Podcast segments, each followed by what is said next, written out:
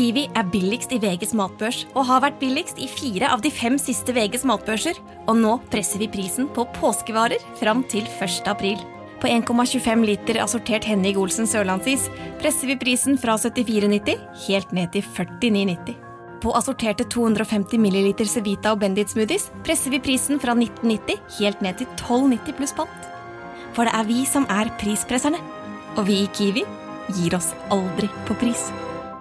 Det sier seg selv at en podkast om seriemordere nødvendigvis vil inneholde materiale som er ubehagelig for noen. Men noen tilfeller er verre enn andre. Denne episoden inneholder groteske detaljer som for noen kan fremstå svært ubehagelig og støtende, men som likevel er nødvendige for å yte historien rettferdighet. Når det er sagt, hvis du er av den sarte typen, kan det være en idé å stå over denne episoden. Du hører på Svartelista. Mitt navn er Andreas Weier Osvold.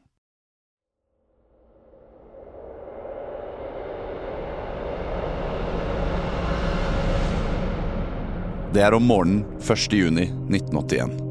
To etterforskere fra DuPage County Sheriff's Department befinner seg bak Brer Rabbit Motel i Illinois. Motellet ligger i Villa Park, en forstad vest for Chicago. Dette er ikke første gang politiet besøker Brer Rabbit, som er kjent som et sted hvor man kan kjøpe et raskt ligg, og ofte er scene for slåsskamper og annet bråk. Det ligger en tjukk, råtten og sykelig søt stank i lufta. Foran etterforskerne er luktens kilde. Liket til en ung jente. Hun ligger med ansiktet ned, et tørkle i munnen, buksene og trusene dratt ned til leggene, og hendene hennes er låst bak ryggen med håndjern. Hun har 13 dollar i den ene sokken, et tegn på at hun er en prostituert fra Chicago. Larvene som dekker den halvt forråtnede kroppen hennes, forteller etterforskerne at hun sannsynligvis har vært død lenge. Men det har hun ikke noe som skal sende etterforskningen på villspor og forsinke den. To store åpne sår der brystene hennes pleide å være, har gitt bakterier, insekter og larver fritt leide inn i kroppen hennes, og har brutt den ned i rekordfart. En prosess som vanligvis tar flere uker. Den senere obduksjonen identifiserer henne som Linda Sutton, en 21 år gammel kvinne fra Chicago, mor til en datter på åtte år og en 15 måneder gammel gutt. Etterforskerne er ikke klar over det da, men det bestialske mordet på tobarnsmoren er bare begynnelsen. Nesten ett år har gått siden drapet på Linda 17, når tragedien rammer idylliske Elmhurst, Illinois. Elmhurst at the time was a lot of farm fields, um, undeveloped areas. Um, everybody knew each other. It was a very small town at the time. I mean, local movie theater. It looked like a town out of the 50s, pretty much. It hasn't, you know, it changed a little bit, but it hasn't changed a lot at that time.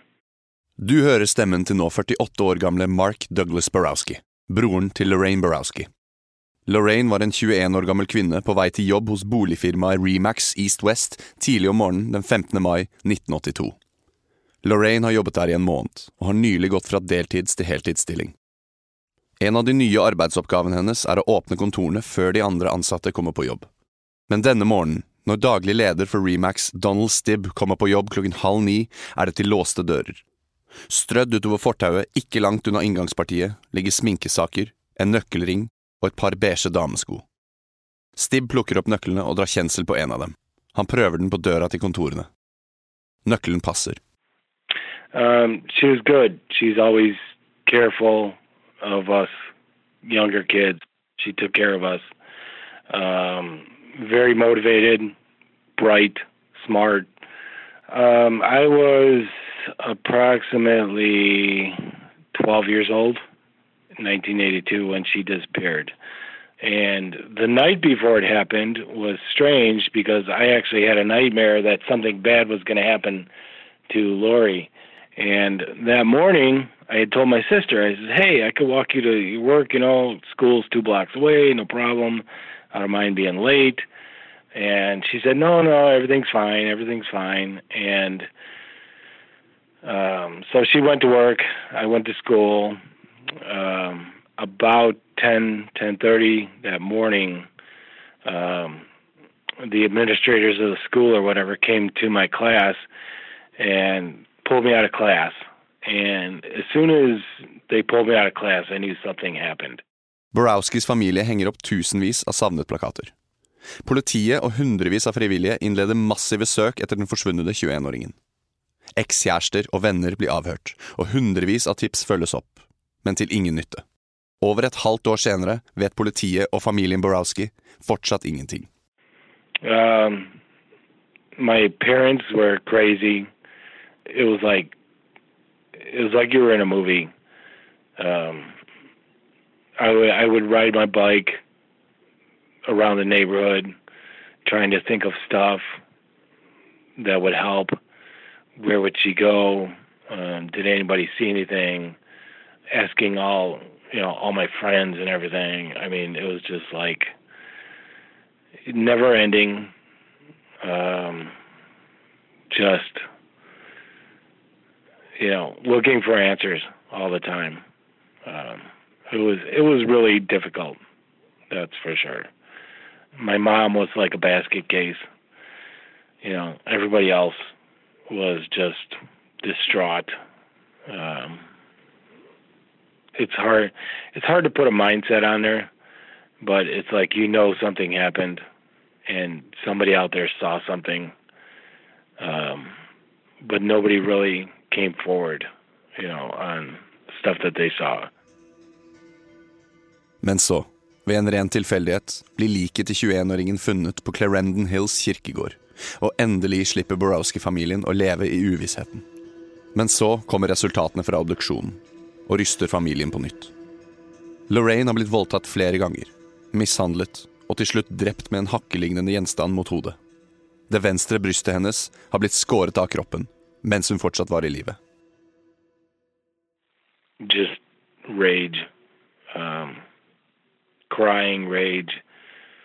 Um, wanted to find the guys. Believe me, we wanted to find the guys.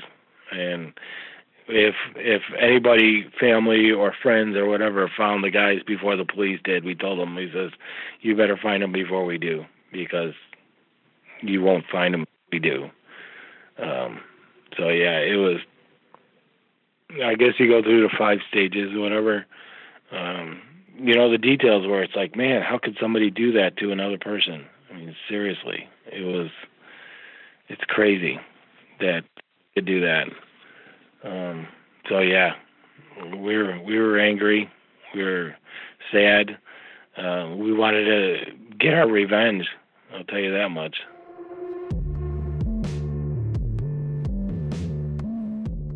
To uker etter Lorraines forsvinning sitter Shui Mak, en 30 år gammel kinesisk innvandrer, i en bil med broren sin på vei hjem fra familierestauranten hvor de begge jobber. De krangler.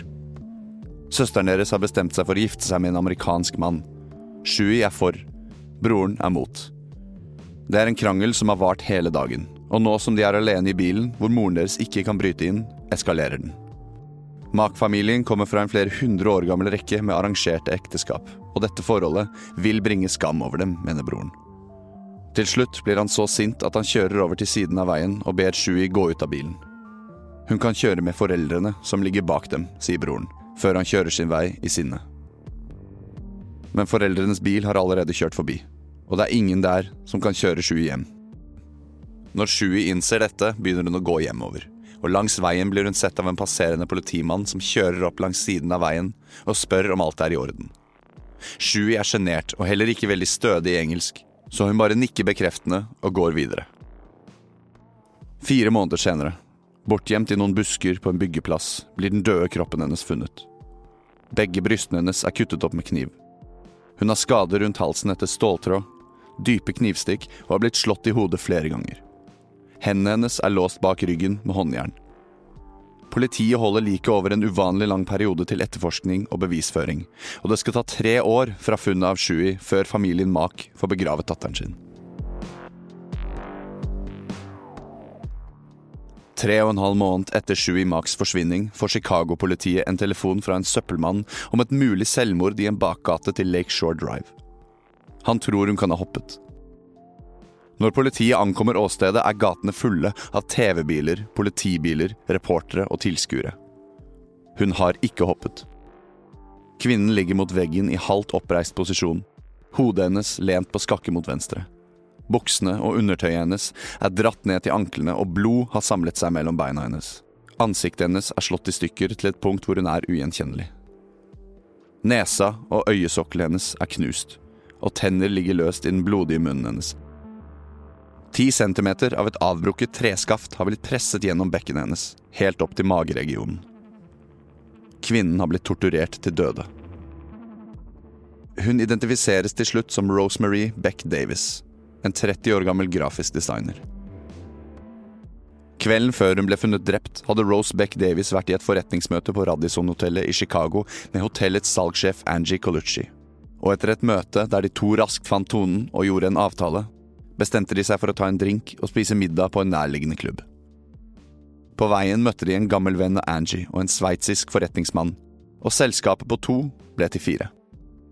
Kvelden strakk seg ut, og klokka var halv tre om natten da Rosebeck Davis og sveitseren skilte lag fra Angie og vennen hennes.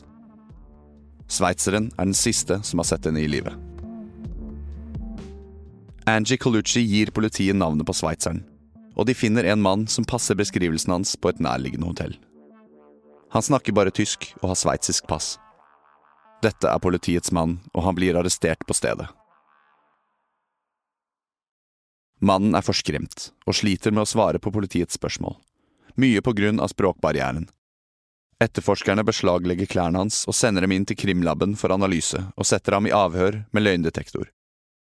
Samtidig som løgndetektortesten antyder at han ikke har kjennskap til eller har vært delaktig i mordet på 30-åringen, kommer analysen av klærne tilbake uten noen spor av blod. Nærmest en umulighet hvis mannen hadde vært delaktig i det brutale mordet. Nok en gang står politiet fast. På dette tidspunktet så ikke politiet koblingen mellom de fire bestialske drapene. Begrep som masse- og seriemord var fortsatt relativt unge så tidlig på 80-tallet. Og man hadde ikke de samme prosedyrene, kunnskapen eller verktøyene man har i dag. Med mafiahistorikk og gettofisering har Chicago lenge vært ansett som en av Amerikas farligste byer. Kriminalitet, og spesielt voldskriminalitet, hadde vært et stort problem siden begynnelsen av 60-tallet. Over de to årene de fire kvinnene ble funnet drept, ble det registrert 1545 drap i The Windy City. Politiet hadde ingenting å gå på i sakene, og med mange forskjellige distrikt involvert, som i tillegg kommuniserte dårlig seg imellom, var det ingen som så sammenhengen. Kanskje var det en årsak til at den som sto bak disse ugjerningene, følte seg trygg for etterforskerne. Og ble uforsiktig. Den 5. oktober 1982, en snau måned etter drapet på Rosebeck Davis, trasker en kvinne nedover fortauet. Klokken er to om natten, og hjørnet North Avenue og Throop, hvor hun vanligvis jobber fra, har vært stille.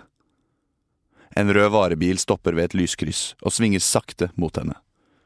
Hun får blikkontakt med føreren av bilen, som kjører opp langs fortauet ved henne. Hvor mye? spør føreren henne. En liten ordveksling senere kjører de vekk, og ikke lenge etter spør han henne om de ikke skal gjøre seg mer komfortable i bakdelen av varebilen. Bakdelen av bilen er skjermet bak en treplate med en liten dør. Hun ser skuffer, verktøy, maleutstyr og lignende. Det neste hun ser er en pistol i den høyre hånda hans. Han presser den kalde munningen mot pannen hennes. Gjerningsmannen ber henne gjøre som han sier hvis hun ikke vil bli skadet. Hun nikker. Han ber henne ta av seg klærne, gå ned på kne, han går bak ryggen hennes, og hun hører et sett med klikk og kjenner kaldt metall strammes rundt håndleddene. Han roter rundt i skuffene, letende etter noe. Han tar ut en lang kniv og retter den mot ansiktet hennes. Han knepper opp buksene foran henne. Gjør det, sier han. Når det er over, går han ut i førersetet, og hun ber inni seg om at han vil se seg ferdig med henne og slippe henne ut av bilen. I stedet kommer han tilbake med en cola og en håndfull piller i den ene hånda. Han ber henne svelge dem, alle sammen. Det siste hun ser før hun mister bevisstheten, er at han kommer tilbake med noe nytt i hendene. En slags gulhvit tråd. Han setter seg oppå henne og dytter henne ned i gulvet, og surrer tråden rundt det ene brystet hennes. Så strammer han. Tidlig neste morgen finner en uteligger henne i en bakgate i North Maplewood, i en pøl av sitt eget blod, med ansiktet ned i asfalten. Når medisinsk personell ankommer, er hun grå i huden og bevisstløs, men fortsatt så vidt i live. Det venstre brystet hennes er kuttet av, erstattet av et groteskt hull, med hvite ribbein stikkende ut av henne. Det høyre brystet henger så vidt fast etter en liten hudflik. De gir henne intravenøs behandling for å motvirke sjokkskadene, og haster henne til nærmeste sykehus i ambulanse. I intense smerter og ute av stand til å snakke våkner hun på intensivavdelingen. Det tar ikke lang tid før hun får besøk av etterforskere fra Chicago-politiet. Gjennom blunking og svak risting av hodet før hun igjen mister bevisstheten, får hun sakte, men sikkert beskrevet mannen som har gjort dette mot henne, mens hun kjemper for livet. Arbeidsbuksene og flanellskjorta. De svarte støvlene med glidelås på siden. Det oljete, brune håret og den gustne huden. De store, blå øynene. Den røde varebilen hans med to indianerfjær, en hvit og en blå, hengende fra det ene speilet. Historien om The Ripper Crew er tilbake etter dette. Kiwi er billigst i VGs matbørs og har vært billigst i fire av de fem siste VGs matbørser. Og nå presser vi prisen på påskevarer fram til 1. april. På 1,25 liter assortert Henning Olsen sørlandsis presser vi prisen fra 74,90 helt ned til 49,90. På assorterte 250 ml Cevita og Bendit smoothies presser vi prisen fra 1990 helt ned til 12,90 pluss pant. For det er vi som er prispresserne. Og vi i Kiwi gir oss aldri på pris. To uker og utallige varebiler i forskjellige nyanser av rød senere kjører to politibetjenter opp North Central Avenue, da de får øye på nok et kjøretøy som passer beskrivelsen. Men i denne bilen er det satt opp et skille bak forsetene som skjuler den bakre delen av bilen. Den ene betjenten får øye på to fjær som henger fra bakspeilet. En hvit, en blå. Betjenten signaliserer føreren inn til siden av veien. Mannen i førersetet passer ikke beskrivelsen av overfallsmannen. Han har halvlangt, bustete rødt hår og blek hud. Han introduserer seg som Eddie Spritzer. Spritzer virker urolig og nervøs, og fremstår mistenkelig for betjentene. På spørsmål om varebilen er hans, forteller han at den tilhører sjefen hans, en mann med navn Robin Gecht. Betjentene stiller flere spørsmål om denne Gecht, og ber Spritzer kjøre varebilen til adressen hans, med dem på slep. De ankommer huset til Gecht, og betjentene får Spritzer til å rope ham ut på gata. Mannen som kommer ut av huset, har oljete brunt hår, store, blå øyne og svarte sko med glidelås på sidene. En perfekt match til beskrivelsen av overfallsmannen. Men Gecht opptrer rolig og smiler til betjentene mens han velvillig besvarer spørsmål om seg selv og den røde varebilen sin. Han fremstår tilsynelatende samarbeidsvillig og uvitende om noe overfall. Han og Eddie Spritzer blir frivillig med på politistasjonen for avhør. Chicago-detektivene med ansvaret for overfallssaken drar til sykehuset hvor den skadde kvinnen ligger. Med seg har de en bunke portrettfotografier, hvorav to er av Robin Gecht og Eddie Spritzer. Kvinnen peker umiddelbart ut Gecht. Men identifisering av en mistenkt holder ikke fra fotografier. Og siden kvinnen er for skadet til å bevege seg, tar de Gecht med til sykehuset. De presenterer ham blant en rekke menn med lignende utseende. Igjen peker hun på Gecht, før hun kollapser. Politiet utsteder en offisiell siktelse mot Gecht for mordforsøk, og setter ham og Eddie Spritzer i varetekt. I avhørene kommer ikke politiet noen vei med Robin Gecht. Han fremstår nesten i overkant vennlig, avslappet og hjelpsom. Og han står hele tiden ved sin uskyld og benekter noen kjennskap til offeret. Jeg ville aldri i mitt liv skadet noen, sier han bare. Dere må ha gjort en feil. Eddie Spritzer har blitt tatt med til politistasjonen fordi han ble observert i Gechts bil. Han blir i utgangspunktet behandlet som et potensielt vitne og blir stilt uskyldige spørsmål som hvor han bor og hva han jobber med. Men det blir raskt åpenbart for politiet at det er noe som skurrer med den rødhårede mannen. Han fremstår livredd, han biter negler, fikler med hendene sine og svetter voldsomt. Men det virker som om han er reddere for Gekt enn politiet. Og selv om han er helt ute av stand til å holde maska, får ikke politiet noe av verdi ut av Spriter. Men de sanser likevel at det er mer å hente. De har begynt å mistenke en mulig kobling mellom kvinnen på sykehuset og en av de andre drepte kvinnene, Linda Sutton. Dermed har også muligheten for at dette kan være snakk om en seriedrapssak, blitt et tema. Og selv om de må løslate Spritzer fra varetekten, fortsetter de å oppsøke ham, presse ham og ta ham med til avhør. Klokken er halv ni om morgenen den 5. november, da Eddie Spritzer endelig sprekker. Etter en lang natt under hardt press fra politiet. Den unge, rødhårede mannen forteller hvordan han og Gekt kjører rundt i et latinodominert område av Chicago, inntil de får øye på en gruppe på tre menn ved en telefonkiosk, nær krysset Damon og North Avenue. Gecht ber ham slakke av på farten, helt til de ruller opp ved siden av mennene og stopper opp. I mellomtiden har Gekt hentet en pistol og ei hagle fra bak i bilen. Ifølge Spritzer ruller Gekt raskt ned vinduet, peker pistolen mot mennene og avfyrer fem skudd. Spritzer oppgir ikke noen motivasjon for angrepet, som ender i at en av mennene mister livet, mens en annen lider permanente skader. Men tilståelsene er langt fra over med det. Han forteller videre at de plukker opp en svart hore. Spritzer har blitt beordret bak i bilen av Gekt, og han kan ikke se hva som skjer, men han hører dem diskutere pris for oralsex. Han hører Gekt gi henne piller. Så hører han lyder av sex, før han etter hvert hører to korte bank på treplaten som deler bilen. Bankene forteller Spritzer at han skal gå ut bakdøra og opp til sidedøra, mens Gekt beveger seg bak i bilen med kvinnen. Det er et signal de to mennene har brukt flere ganger tidligere. Spritzer beskriver hvordan han venter utenfor varebilen mens Gekt er bak med den prostituerte kvinnen. Så åpner Gekt bakdøra og drar kvinnen ut i bakgata.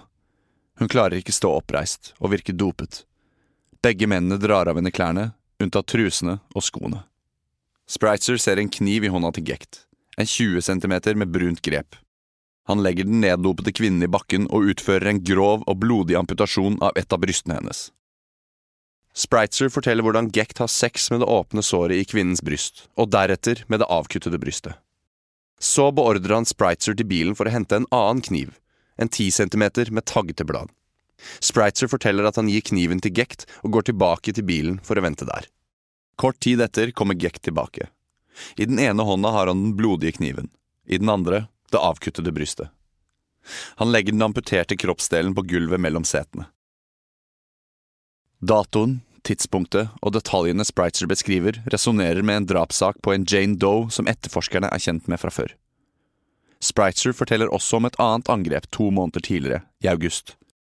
Han forteller at han og Gekt kjørte rundt i varebilen klokken to om natten, på jakt etter en ny svart prostituert. Der North Avenue krysser Chicago-elven, finner de det de leter etter. Gekt kjører opp langs fortauet, og Spritzer gjemmer seg bak i bilen. Jenta klatrer inn i bilen og Gekt nevner pillene han har for henne. Han sier at de ikke er skadelige, at de bare vil gjøre henne kåt. Gekt og jenta diskuterer priser for diverse seksuelle tjenester, og kommer til enighet. Gekt starter opp bilen. De har kjørt i noen minutter når Spritzer hører to bank. Han klatrer ut bakdøra og tar kniven med seg. Da Spritzer kommer opp til passasjerdøra, drar Gekt jenta ut av bilen og slenger henne opp langs siden. I hendene har han håndjern, og han låser hendene hennes bak ryggen. Spritzer sier at de rev av henne klærne og dro henne ned under en bro ved veien hvor passerende biler ikke kunne se dem. Gekt tvinger jenta til å sitte på ham, samtidig som Spritzer får henne til å gå ned på ham. Spritzer sier at Gekt så spør om de har det gøy. Spritzer sier nei, og Gekt spør han hva han skal gjøre med det. Spritzer tar ut en lommekniv og stikker kvinnen i brystet flere ganger. Han går tilbake til varebilen og lar Gekt være alene med kvinnen. Etterforskerne finner senere ut at overfallet Spritzer beskriver, dreier seg om 19 år gamle Sandra Delaware, som ble funnet død morgenen 17. august. Hun ble funnet langs østbredden av Chicago-elven. Hendene og anklene hennes bundet fast med skolisser. En bh var knyttet rundt strupen hennes. Hun lå i en dam av sitt eget blod, som rant fra gresset under underlivet hennes og ned i elva ved siden av henne. Alt i alt tilstår Spritzer medvirkning i syv drapssaker og etterran. I alle sakene navngir han Gekt som hovedmann. Et par dager senere får etterforskerne Spritzer til å konfrontere Gekt, i håp om at dette skal fremprovosere en reaksjon. Jeg har fortalt dem om alle jentene, sier Spritzer til Gekt, og avventer en respons.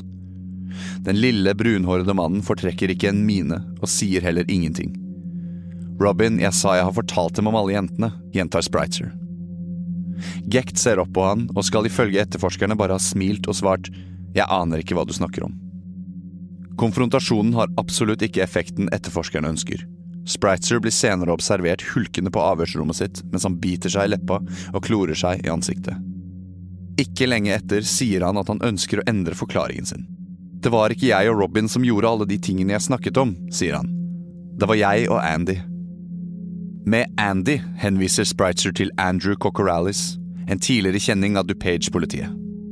Etterforskerne drar til Cocorales-huset på West North Avenue i et sliten strøk av Villa Park, hvor de møter Andrew i døren. De forteller at de vil snakke med ham om Robin Gecht og Eddie Spritzer, og han blir frivillig med dem til stasjonen. I et avhørsrom gir de ham nyheten om at Spritzer har navngitt ham som medvirkende i en serie mord. alle 18? spør Cockeralis da. Det var først på dette tidspunktet at politiet fikk en idé om hvor omfattende denne saken var.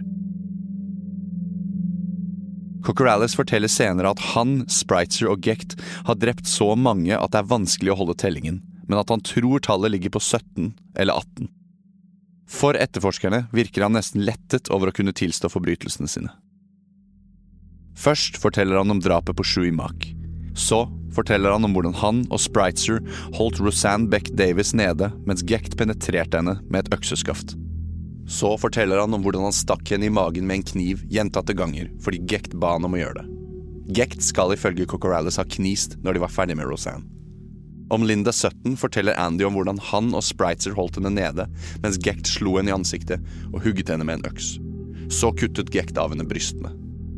Videre forteller han om hvordan han stappet en stein i munnen på et annet offer, nok en ung kvinne, så hun skulle slutte å skrike og hvordan Spritzer stakk kvinnen gjentatte ganger i magen da hun ikke ville sette seg ned på en vinflaske som Cocorales ba henne om. Så tvang de tre mennene henne ned på flaska. Noen av drapene er politiet kjent med, andre er ukjente. Cocorales forteller at det var alltid Gecht som hadde kommandoen og var i en lederrolle. Både Cocorales og Spritzer virker svært redde for Gecht, og er av den oppfatningen av at han besitter mørke krefter.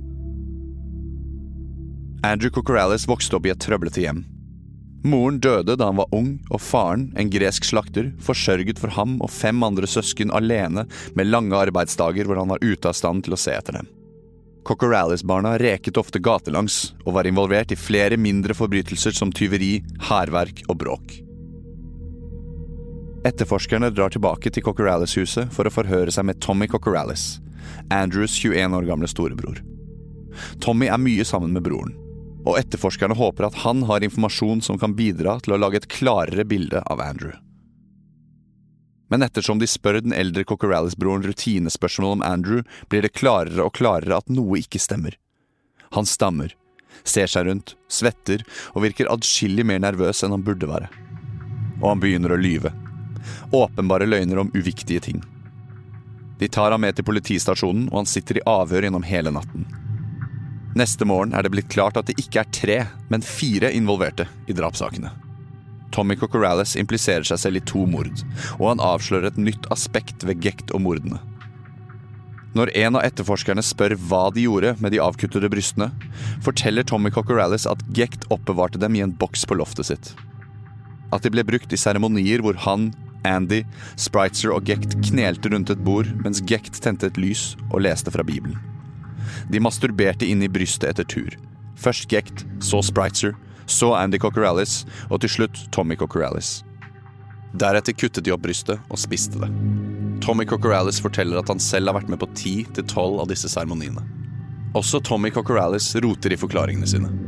Det virker som om han, i likhet med broren Andy og Eddie Spritzer, frykter Gekt og mener han har overnaturlige evner. Men hvem var egentlig denne lille mannen som fremkalte slik frykt? Hvem var denne påståtte lederen for drapskulten, ansvarlig for minst 17 kvinneliv, men som under intenst press fra politiet og rettsvesenet aldri mistet fatningen eller impliserte seg selv? Hvem var Robin Gecht? Robin Gecht ble født den 30. november 1953. Han vokste opp under fattige kår og var den eldste av i alt syv barn. Robin var en liten og sped gutt og ble ofte mobbet av andre barn. Han var i mange slåsskamper, begynte etter hvert å stjele, og var ansvarlig for flere ildpåsettelser. 17 år gammel ble han kastet ut av huset av faren, og bodde i en periode hos en tidligere nabo av familien. Han fikk en sønn med ei jente fra sørstatene da han var 18, men hun forlot Robin og tok med sønnen deres sørover, hvor hun giftet seg med en annen mann. Naboen Robin bodde hos fortalte senere etterforskere at Robin ofte skrøt av kvinner han hadde utnyttet for penger, og at han oppførte seg ubehøvlet rundt jenter. For eksempel at han ofte snakket om hvor mye han likte store bryster. Robin møtte kona Rosemary da han var 21 og hun var 16, og hun rømte hjemmefra med ham. De har tre barn sammen. To døtre og en sønn.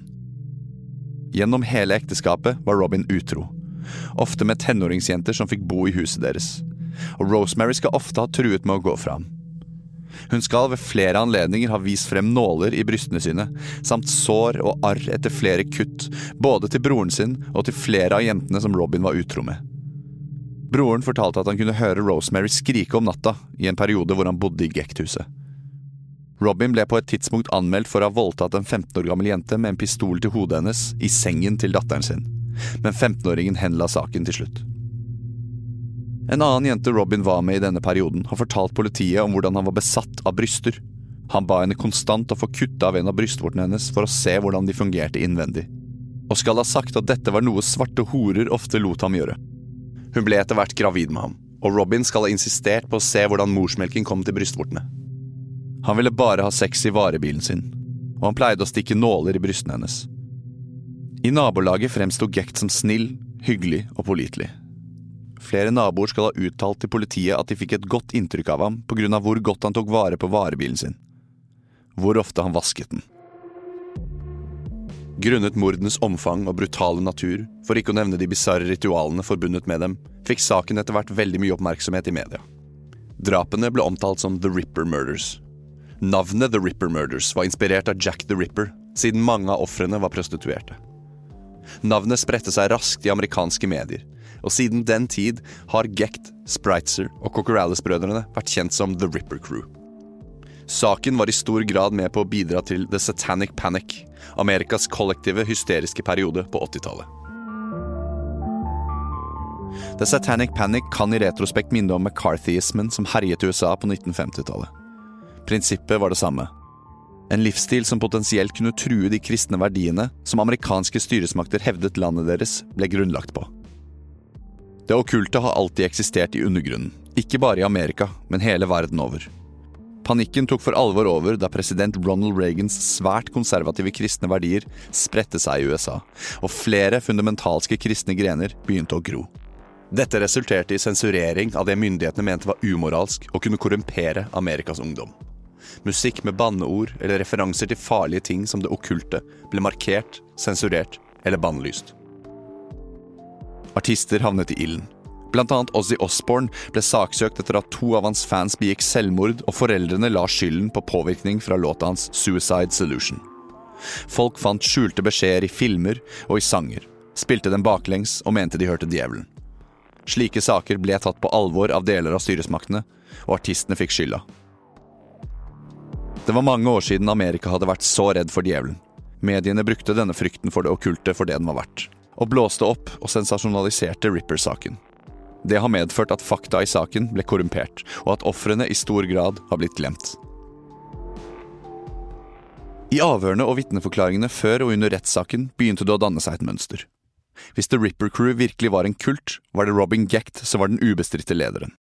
Han herset med Spritzer og Cocorales-brødrene, og var angivelig den som kommanderte de andre rundt, ga ordre om å voldta kvinnene, onanere oppi deres avkappede bryster og drepe dem. Spritzer og brødrene fryktet ham, og alt det de mente han var i stand til å gjøre mot dem. Skulle de trekke seg ut, tyste på ham eller ikke adlyde ordre, ville det få konsekvenser.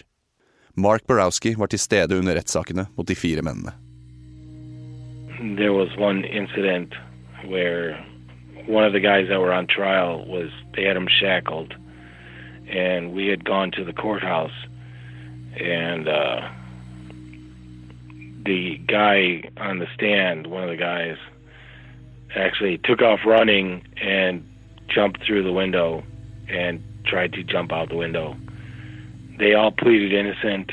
One guy said, I don't feel like I did anything wrong, you know, because he wasn't the uh, leader of the group or whatever, and just cold hearted, cold hearted people.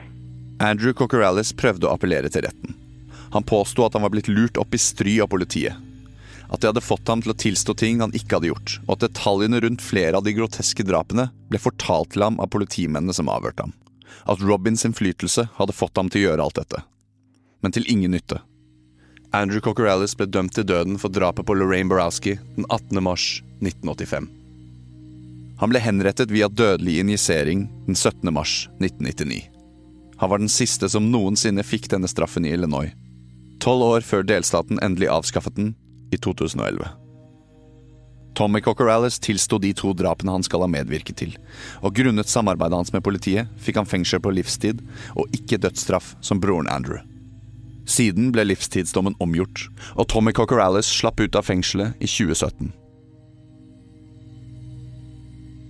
Edward Spritzer, mannen som først knakk sammen og tilsto, fikk originalt samme straffen som Andrew Cocker Alice, men han rakk ikke å bli henrettet før avskaffelsen fant sted. Han fikk i stedet livstid i fengsel, uten mulighet for prøveløslatelse. Robin Gekts ubestridelige makt og innflytelse over de tre yngre medlemmene av Ripper-gjengen skulle til syvende og sist også resultere i at det var de, og ikke ham, som måtte betale dyrest for de grusomme mordene. Frykten de andre hadde for Gekt og de mørke kreftene de mente han hadde, gjorde at de igjen og igjen endret forklaringene sine, og at forklaringene ikke kunne bli ansett som legitimt bevismateriale. Og noe annet hadde ikke politiet å gå på. Det var ikke til å komme unna at han var den åpenbare gjerningsmannen i angrepet på den prostituerte kvinnen den 5. oktober 1982. Men han ble ikke tatt i retten for ett eneste av de grusomme mordene han angivelig hadde orkestrert. Likevel, et nådeløst amerikansk rettssystem sørget for at den lille mannen trolig aldri vil få muligheten til å skade flere kvinner. Torsdag den 29. september 1983. Robin Gecht ble dømt skyldig for mordforsøk, voldtekt og væpnet vold. Han ble idømt 120 år i fengsel uten mulighet for prøveløslatelse før år 2043. Gecht vil da i så fall være 90 år gammel. For Mark Borowski var det vanskelig å akseptere at Gecht aldri ble dømt for drapet på storesøsteren. Um, unbelievable, remarkable. How how can somebody not be convicted of something that heinous? And I mean, it was just, it was like somebody punching you right in the stomach. But yeah, I would I would like to try to find out the details of when and where and and hearings and all that and attend them if I could. I don't know how the process works, but I would love to be there. I would love to be there. Robin Gecht, Edward Spritzer, Tommy og Andrew Cockralis tok 18 menneskeliv, som man vet om, i 1981 og 1982 alene. Alle ofrene var kvinner. Unge. Mange av dem prostituerte. Samtlige ble utsatt for brutal mishandling før de til slutt ble drept. På 80-tallet handlet det om satanisme. Og flere medier slo fast at disse fire morderne var opphengt i satanistiske ofringsritualer og all slags spekulasjon. Det viktige når man snakker om The Ripper Crew, når man snakker om Robin Gecht, Edward Spritzer, Tommy og Andrew Cockerallis, er at man ikke snakker om noen diabolsk og overnaturlig kult. Man snakker om fire sadistiske menn.